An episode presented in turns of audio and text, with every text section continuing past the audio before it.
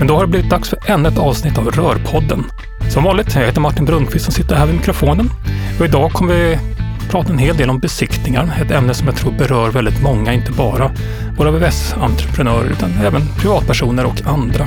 För det här är ju en podd från Säker Vatten där vi djupdyker i olika ämnen som kan vara aktuella och intressanta för de som på något sätt kommer i kontakt med rörinstallationer och vill fördjupa sig i säkra vatteninstallationer. Och förutom att samtala med ett par trevliga gäster eh, så kommer jag som vanligt på slutet av programmet att besvara några av de funderingar som ni lyssnare har. Vi vänder oss eh, oftast bara till VVS-montörer och projektörer eller på något sätt andra som kommer i kontakt med säkra vatteninstallationer. Men eh, det här ämnet som vi tar idag tror jag även kan beröra en del privatpersoner och beställare till exempel. Så att vem den är så är du varmt välkommen. Så skriv upp volymen och luta dig tillbaka så kör vi igång ett ännu ett avsnitt av Rörpodden.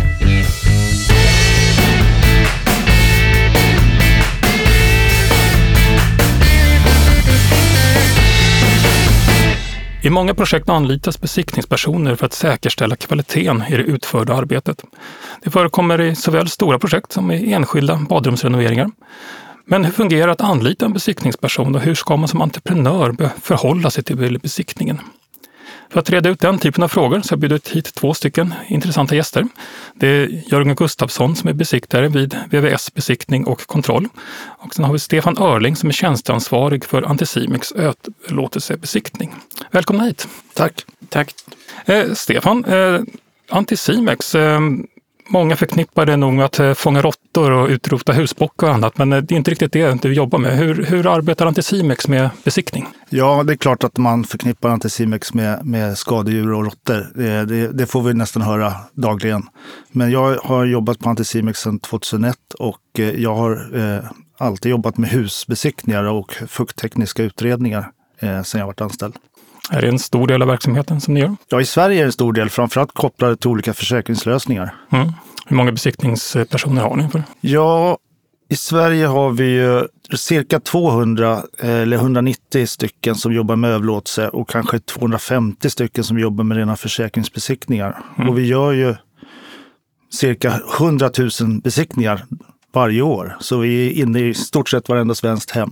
Eh, Jörgen, eh, på vilket sätt eh, arbetar du med besiktningar? Du kommer från ett renodlat besiktningsföretag vad jag förstår. Ja, alltså vi eh, har ju ett företag som heter VVS Besiktning och kontroll. Så vi utför ju besiktningar inom VVS-delen inom eh, entreprenader.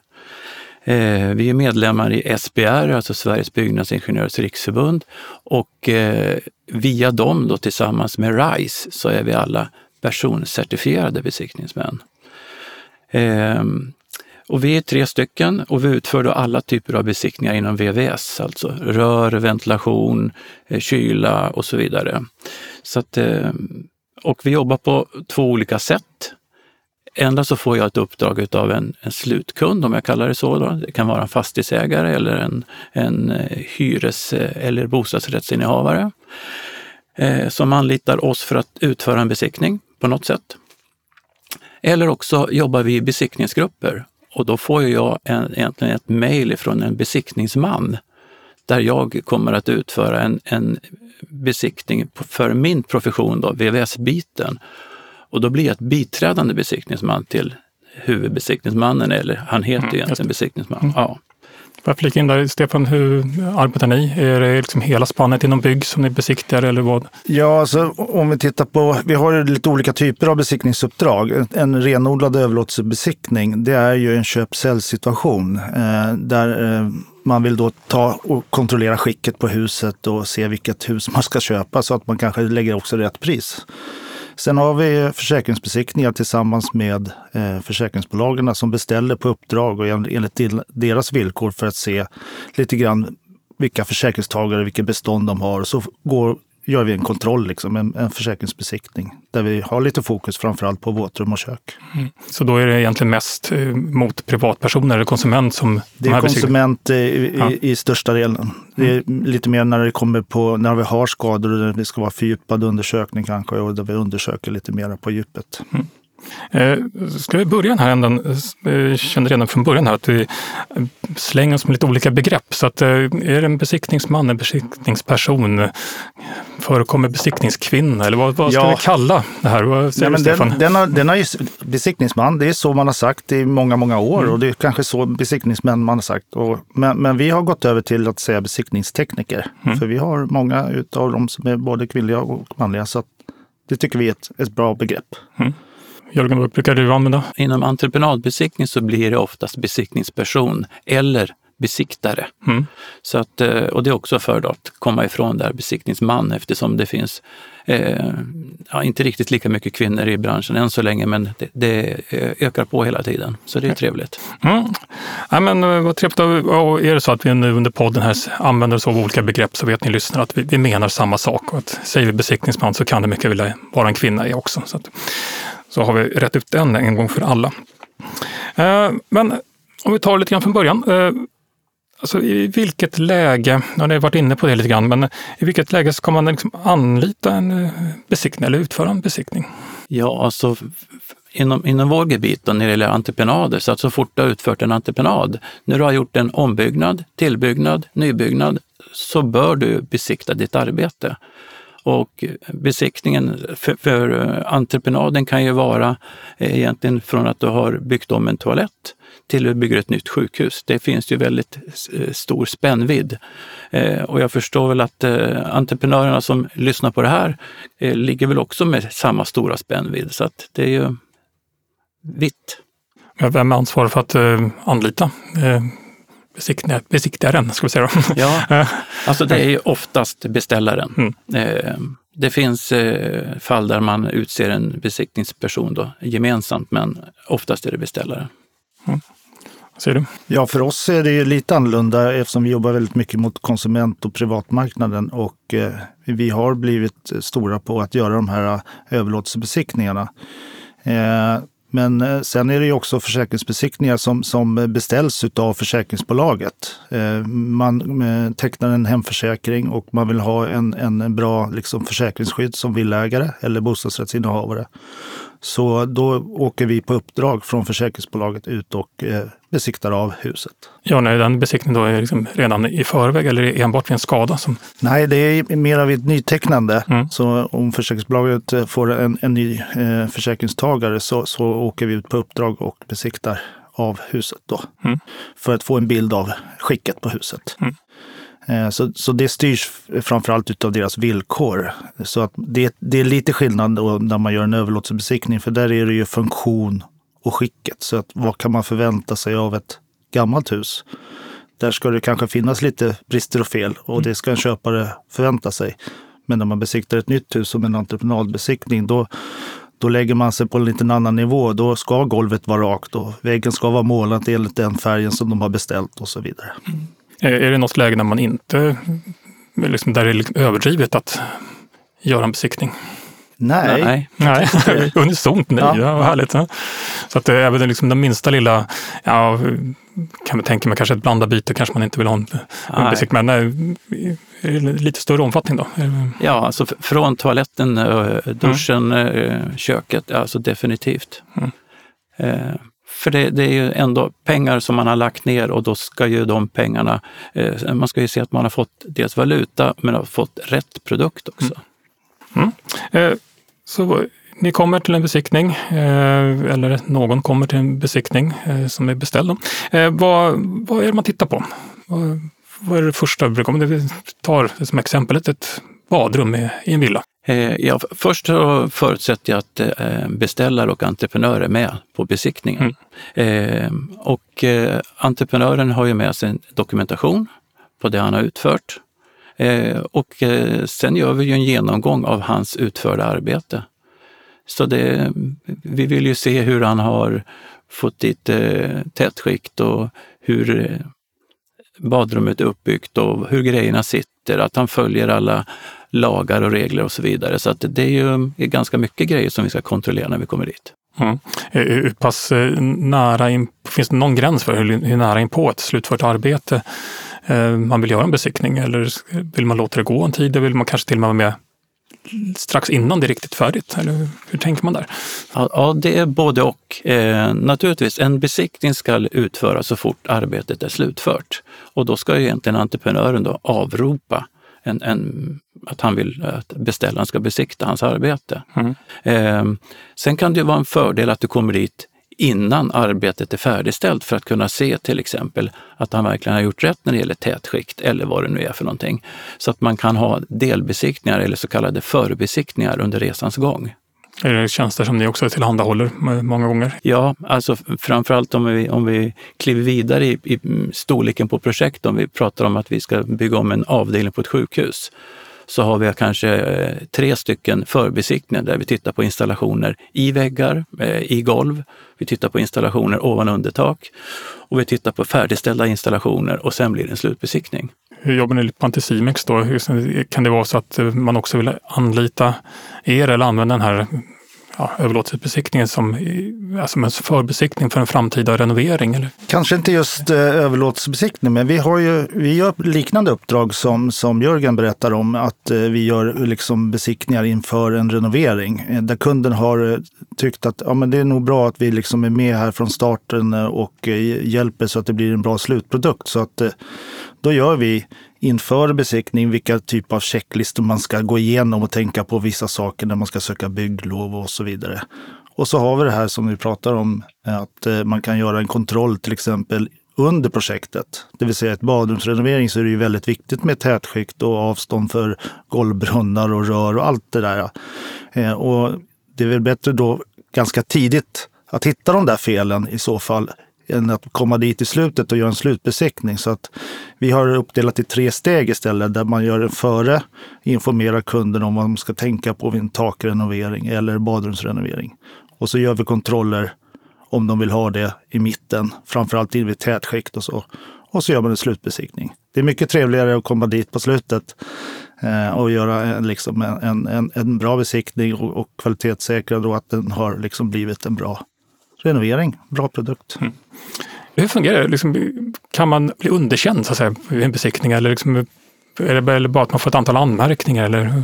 Jag tycker det där är jätteintressant mm. för att eh, när, när det blir fel eller om man nu har någon anmärkning på någonting så, så, så vi måste ju följa liksom bygglagen och sen ska man följa Boverkets byggregler och sen så går det vidare ner i organisationerna till olika branschorganisationer. Så teknikerna hos oss får utbildningar i det här och de får liksom en, en grundlig liksom vad de ska tänka på.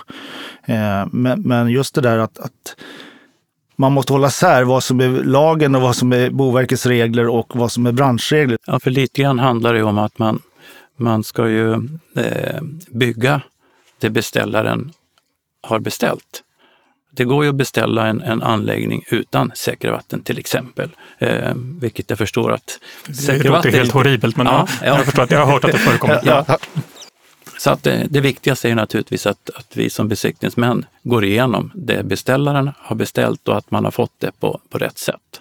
Hur pass ofta är det man behöver lägga in eh, ska uttrycka eget tyckande. Alltså, många gånger kan det vara något som kanske inte är enligt varken några byggregler, det kanske inte är heller något som är beställt och det är inte någon branschregel. Jag kan tänka mig att um, estetiskt utförande, att uh, ja, just det funkar men det är inte så snyggt. Hur ofta behöver man liksom vara in där och ja, då brukar peta? Vi, då, då, brukar vi benämna ordet fackmannamässighet. Mm. Eh, jag menar en, en radiator eller ett element då, som sitter på väggen kan ju sitta lite snett och ändå har det fullgott funktion. Men ja. fackmannamässigt så ska det ju sitta rakt. Ja. Men om däremot fönsterbrädan i det här gamla huset sitter snett, så kan det ju vara fackmannamässigt att montera den snett så att det ser bra ut tillsammans. Mm, så att det finns eh, lite sådana här grejer och då försöker man ju alltid att inte jag tycker utan fackmannamässigt så tycker vi att det här är rätt. Mm. Ja. Är det inte lite grann också utgångspunkten då att eh, vad en beställare, en privatperson, förvänt, skulle kunna förvänta sig av jo. Eh, mm. ja, vad en fackman faktiskt ska utföra? Mm. Stämmer bra, mm. ja helt rätt. Mm. Eh, vad är de vanligaste anmärkningarna när det kommer på framförallt VVS-sidan då, eftersom det är våra lyssnare tror vi ja, mest är där? Vi har gjort några sådana här våtrumsrapporter och hur mår huset på grund av eh, ganska omfattande statistik. Och jag minns att eh, redan 2010 då gjorde vi en, en badrumsundersökning eh, eller, på grund av de brister och fel som vi har noterat. Då grundade den sig på 110 000 badrum. Eh, och det är klart att det finns vissa saker som våra tekniker, för de är ju där inne och tittar eh, utifrån eh, regelverk och branschregler om det stämmer av och att det känns, om det finns risk för vattenskador framför allt. Eh, och den vanligaste hos oss tror jag nog är Golvbrunnen har ju varit eh, i ropet i många år, pratar om avstånd och höjder och så vidare. Men jag tror nog mer att rör i golv eller rör på fel ställen är, kommer ikapp och diskuteras mer idag än kanske golvbrunnsdelen som det var mycket ropet för några år sedan.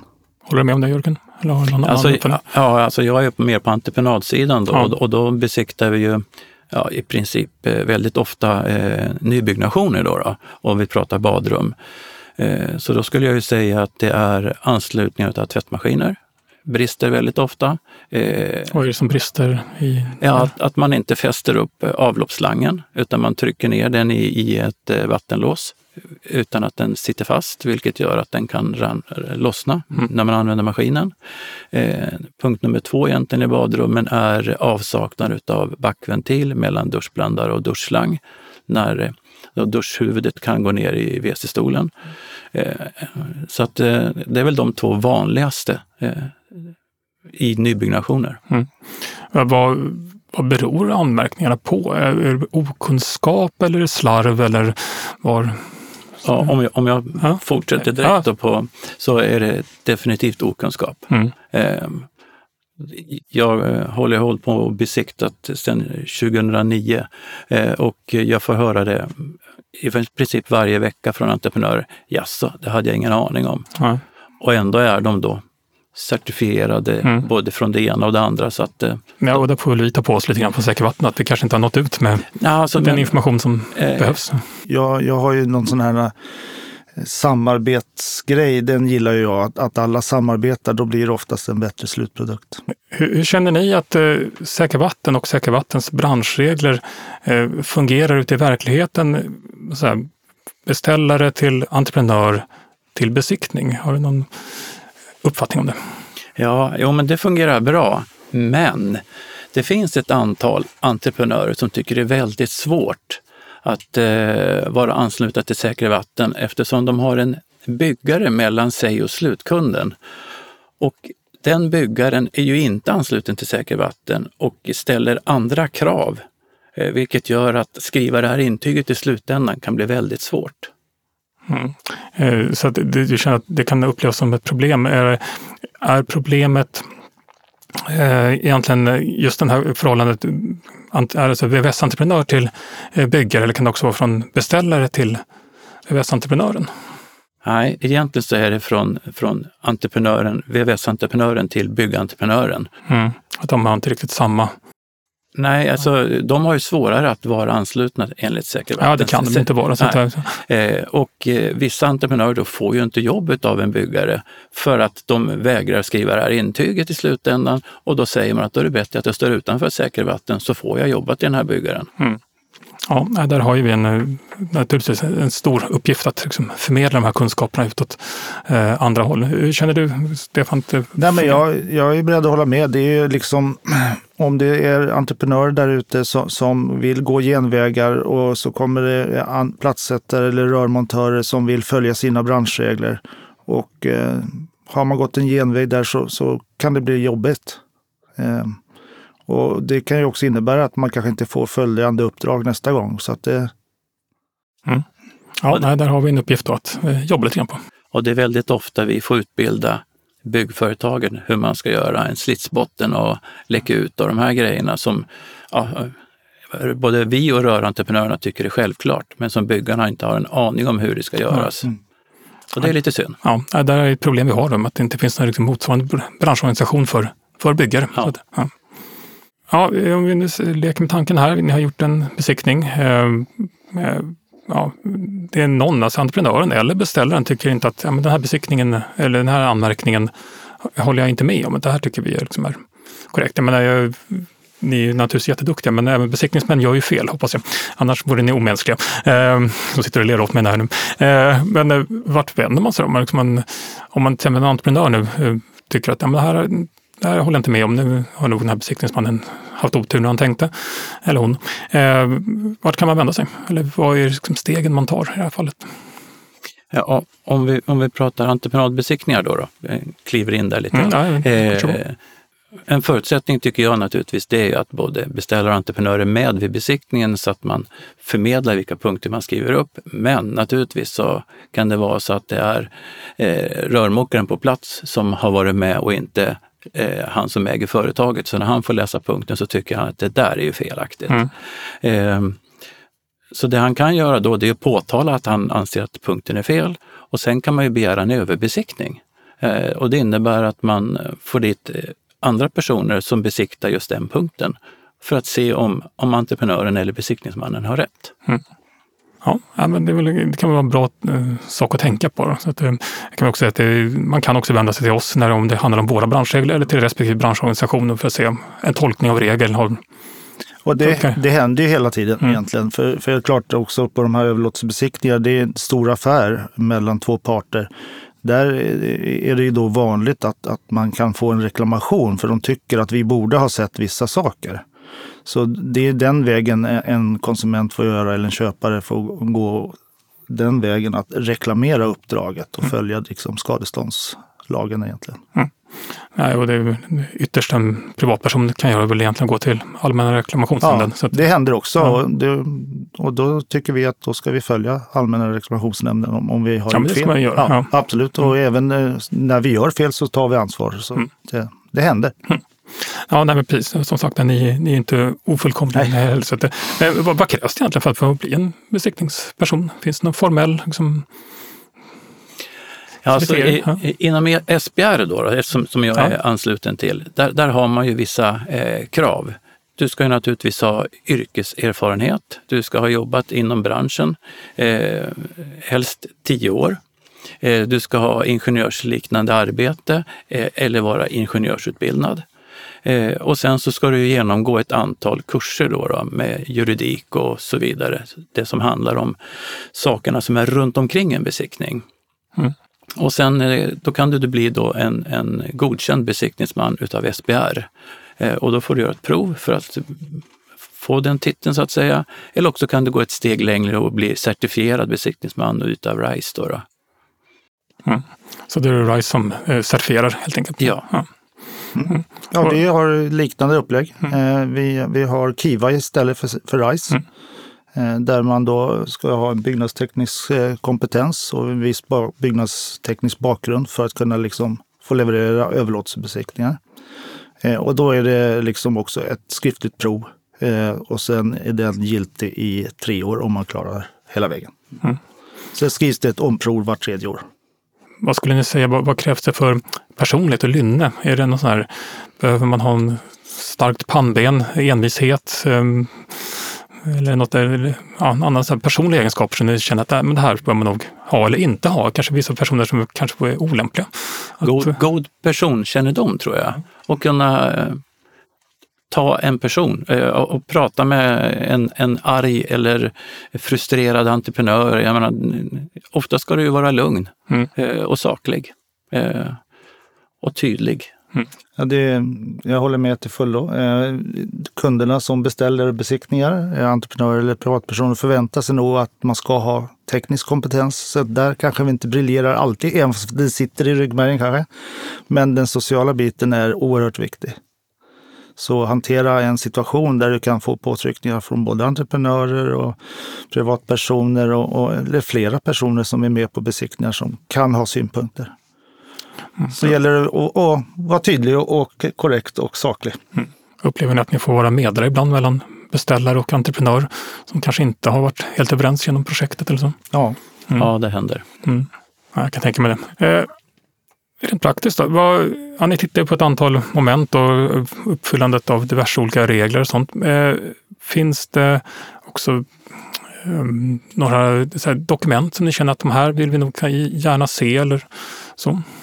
Ja, alltså pratar vi entreprenader så, så eh, den stora punkten är egentligen egenkontroller. Eh, för den redovisar ju allting som vi inte kan se. Eh, så det är, egenkontrollerna är jätteviktiga. Eh, kan du förklara vad, vad innebär en egenkontroll? Liksom, va? Ja, det kan till exempel vara att eh, entreprenören har eh, klamrat fast rör i vägg med ett visst antal centimeters avstånd som står i montageanvisningen. Mm. Så att han hänvisar till att han har utfört grejerna enligt en montageanvisning via en egenkontroll. Mm. Och sen kan det också vara att han har provtryckt rören och visar sig att eh, när han har kopplat ihop allting att det inte läcker. Så då får han eh, även ta med sig ett provtryckningsprotokoll. Då, då. Så det är väl två dokument som är väldigt viktiga om vi pratar framförallt rör. Då, då. Mm. Eh, det är en fråga som vi får ganska ofta just när det kommer till provtryckningar. Att vi ställer egentligen inte ett krav på att man ska redovisa Eh, protokollet utan vi säger egentligen bara, har man gjort enligt branschreglerna då ska man ha gjort en provtryckning och där, därmed ska det vara enligt intyget. Eh, vill ni ändå se ett, och det ska ju dokumenteras på ett protokoll, det säger vi. Eh, vill ni ändå se ett protokoll eller tycker ni att det räcker med säkervattenintyget? Alltså jag tycker att det är bra att få se protokollet för att eh, alltså, två, två gånger av tio så är det fel ifyllt. Mm. Och då undrar man också, har man provtryckt på rätt sätt? Mm. Så att det, det, det, finns brister även där då när det gäller vissa entreprenörer. Men som sagt 80 procent är ändå bra. Mm. Men, ja. Men eh, självklart, ett eh, säkert vattenintyg i slutändan är ju, är ju det bekräftelsen på att allt är gjort som det ska. Mm gärna tittar på det också, att det kommer in, att det finns intyg. Och det kan ju vara från andra, från BKR, GVK och andra organisationer. Ja, det gör vi.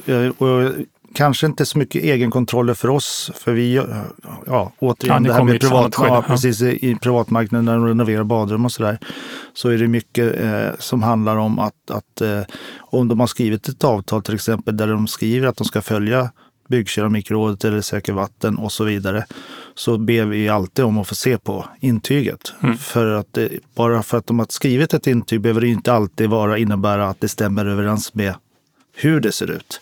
Så det, det, det, det är både och det där. Vi ser ju ibland att man har skrivit att man har bytt golvbrunnen, men vi ser att den inte är bytt. Mm.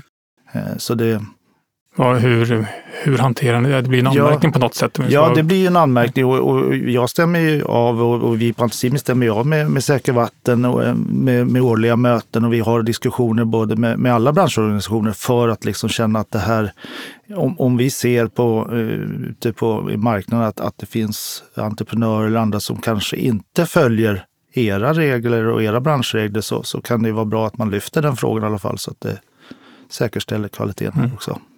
Hur hanterar ni då om det är ett, ett, företag som inte är anslutna genom oss eller någon annan branschorganisation? Eh, gör ni bedömningarna även då efter branschreglerna eller eh, tänker ni lite vidare? Ja, där, där måste man ställa frågan till beställaren och kanske titta på avtalet. Ibland så står det ju då att arbeten ska utföras enligt säkra vatten. Alltså det ska inte vara eh, med intyget, men det ska utföras enligt. Och då tittar vi på att det är gjort så. Mm. Och det är avtalsstyrt på det viset att, att man, man skriver in det i avtalet. Ska det utföras en slutbesiktning, då, då står det förmodligen det också i avtalen. Ja. Eh, men, men vi... vi, vi tänkte, ni vi jobbar rätt mycket mot försäkringsbolag då? Absolut. Att, för att, som vi bedömer enligt branschreglerna, vare sig det det är jätte, det där är liksom, har vi också haft diskussioner med. För att jag menar, vissa stora byggföretag eller husleverantörer och sådär, de har ju byggt enligt Boverkets byggregler. Kanske inte riktigt har skrivit in att man följer olika branschorganisationer. Mm. För de har en liten annan skrivelse i sin, vad man ska, när man tänker i FUK-kapitlet. Eh, så, så, diskussionen är ju då mer att om det blir skador, tänker jag, att eh, man vill ju ha ett försäkringsbart utrymme. Ja, det, det är det som är nyckeln lite grann. Ja. Eh, och byggaren kanske har byggt enligt Boverkets regler, men man kanske har gjort avsteg och så visar det sig att man tecknar en hemförsäkring och så är skadan där och så säger försäkringsbolaget nej. Mm. På grund av att de går lite tuffare, eller de går, riktar sig oftast eller följer oftast olika branschorganisationer. Ehm, så det har vi sett. Mm. Vi tittar ju mycket alltså, okulärt in i ett badrum om vi håller oss till det utrymmet. så är det ju mycket liksom okulärt hur det ser ut och sådär. Men jag tänker på rörinstallationerna just, så är det ju mycket eh, prat om, om eh, inbyggda armaturer och vad händer med dem? Finns, om de springer läck, finns det någon läckageindikering eller behövs det inte någon läckageindikering? Lite modernare, de prefabricerade eh, vattenklosetterna idag. Så, så det är väl det som vi okulärt tittar på. När vi, vi kan inte se och vi, vi, instruktionen är ju också att vi ska titta in i, i, alla tillgängliga utrymmen. Så att är det en lucka så ska vi öppna luckan och så, så se, titta in i den här, kanske ett schakt eller vad det kan vara. Mm. Alltså, nu springer alla omkring med en eh, avancerad kamera i fickan jämt och ständigt. Eh, tycker ni att det finns en poäng med att om man fotar eh, för en entreprenör under tiden eller kanske även beställaren och redovisa för er vid besiktningen? Alltså självklart. Mm. Det som kommer mer och mer inom, inom entreprenadbesiktningen det är ju besiktningsverktyg och i digital form.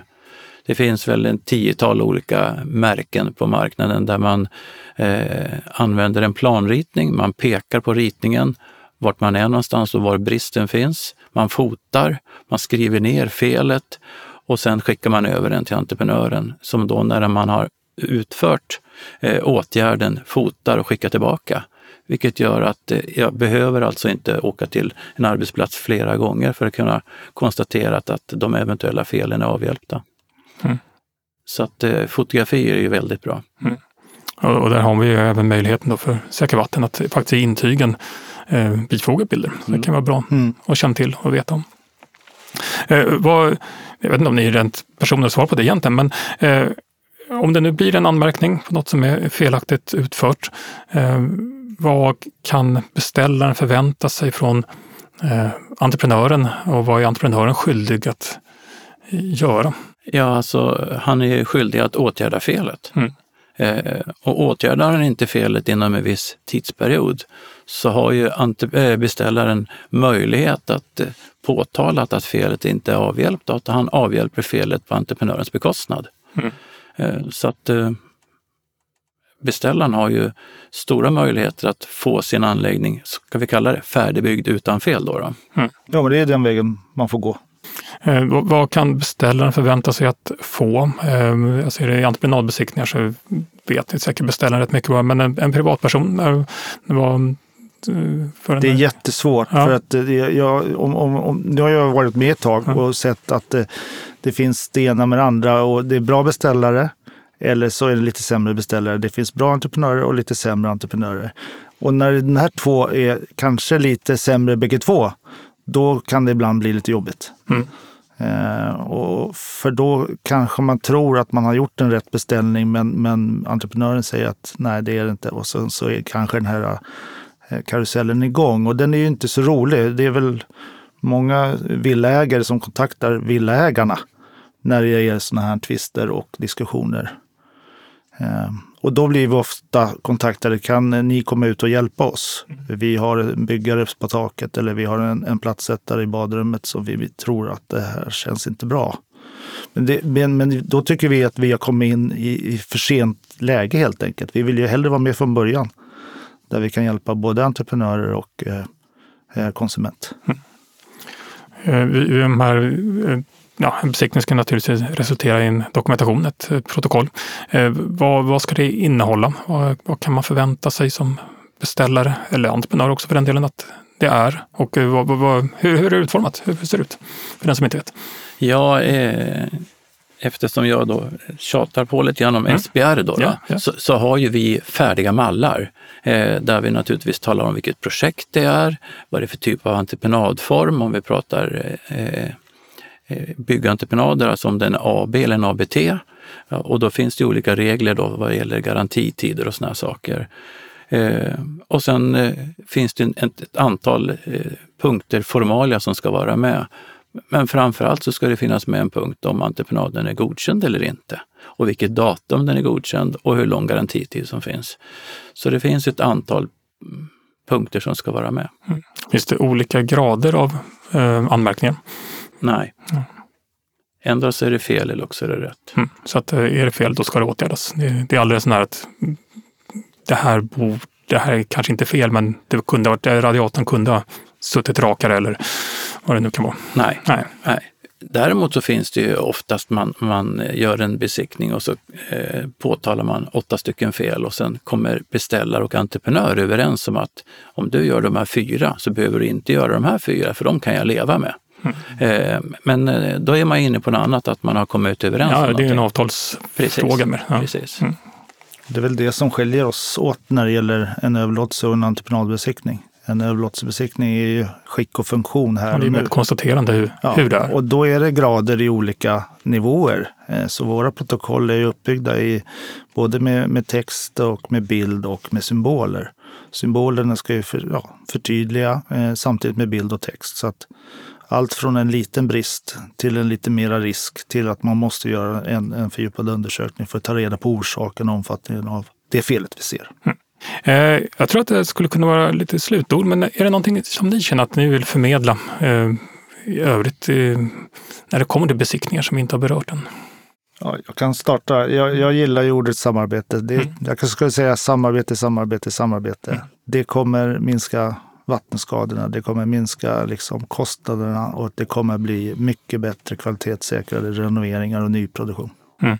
Och då menar du samarbete av alla parter? Ja, ja, av alla parter. Ju mer kunskap man har och liksom mer information man får och ju, ja, ju mer hjälp man kan få av flera olika eh, spelare i det här så, så kommer det bli bra. Mm. Ja, jag brukar säga det till vissa entreprenörer att eh, idag ska vi träffas och så ska vi gå igenom den här anläggningen för att beställaren ska få en så bra anläggning som möjligt. Så nu hjälps vi åt mm. och då brukar det funka väldigt bra. Ja, men det är väl ganska bra slutord. Så att ju mer vi samarbetar, desto bättre anläggningar får vi mm. i det här landet. Ja. Tack Stefan Örling och eh, Jörgen Gustafsson för att ni kom hit. Tack så mycket. Tack, tack. Då var det dags för den här programpunkten som vi kallar för brevlådan. Det är här vi besvarar frågor från er lyssnare eller från andra som skickat in dem till oss. Om du har en fråga så skicka gärna in den till info.sakervatten.se. Om du vill att vi tar upp den här i podden så får du särskilt skriva det, men vi svarar naturligtvis på alla frågor som vi får in. Och eh, dagens första fråga, eh, den kommer från Madeleine. I branschreglerna står det ibland att det är särskilda regler för plats för bad eller dusch. Hur definieras plats för bad eller dusch och hur stora är de här områdena? Ja, eh, när det kommer till det här begreppet plats för bad eller dusch så är det en del av ett badrum eh, som begränsas av eh, plats för dusch. Då, I sin enklaste form så begränsas det av var duschväggarna sitter eller duschdraperiet eller motsvarande. Det kan ju också vara så att man har en enkel duschvägg och en öppning åt ena hållet, då är den här osynliga väggen ungefär den plats där man skulle ha tänkt sig att ett draperi hänger. Det definierar då vad som är plats för bad eller dusch. Sen går det här området då upp två meter upp på väggen och innanför det här området där har vi särskilda regler då för till exempel rörgenomföring eller placering av olika typer av utrustning. Eh, utanför det här så har vi samma regler när det kommer till säkert vatten för resten av badrummet. Och plats för bad, det är nästan ännu enklare att definiera. Det är den plats, eller så stort som badkaret breder ut sig på väggarna och sen två meter upp på väggen. Nästa fråga, den kommer från Patrik. Måste alltid luckan till ett fördelarskåp sitta vänd in mot badrummet? Nej, eh, det måste den inte. Den kan gärna sitta vänd åt ett annat håll, till exempel ut mot en hall eller klädkammare eller något annat utrymme där den inte stör lika mycket. Eh, det kan ju vara så att man inte vill ha den här luckan in i badrummet. Man kanske inte vill bryta kaklet med en annan typ av material till exempel. Eh, det är också så att om den sitter vänd in mot badrummet så måste själva ramen till luckan vara ansluten mot tätskiktet. Vilket då ställer större krav på både luckan i sig och på den som ska utföra tätskiktet. Därför kan det i många fall vara en fördel att vända den in mot ett annat rum. Eh, dock ska man tänka på att läckageindikeringen från det här skåpet, den ska ju dock mynna i ett rum med vattentätt golv. Och sen har vi en fråga från Leif. Jag har fått min köksblandare utbytt och montören vill inte ge mig intyg på det. Eh, han tycker att det här bara är ett litet servicejobb. Stämmer det att han inte behöver lämna intyg då? Nej, det är ju så här att om det är ett auktoriserat företag så ska de alltid lämna ett intyg på den typen av arbeten som omfattas av branschreglerna. Hur litet jobbet än är. Så är det ett litet servicejobb som byta en blandare, eh, byta en eh, WC-stol eller liknande, eh, så ska man också lämna ett intyg på just den delen som man har utfört. Det är inte någonting som är på något sätt är förhandlingsbart utan montören ska ju för det första alltid lämna det. Eh, om de missar det eller glömmer det så har man alltid rätt att påpeka och då ska man kunna få ett intyg på det. Och då var det dags för mig att avsluta det här avsnittet av Rörpodden. Ni är naturligtvis välkomna att eh, höra av er till oss om ni har ris eller ros om programmet, eh, teknikfrågor, eh, allmänna frågor om Säker vatten. Ni kan höra av er till info.sakervatten.se och ni hittar även andra kontaktuppgifter på www.sakervatten.se. Och jag vill som vanligt påminna om att ni får gärna lyssna på Kakelpodden från BKR eller Installatörspodden från Installatörsföretagen. Alla de här poddarna finns där poddar finns. Men kom ihåg, att rör det rör, då rör det oss.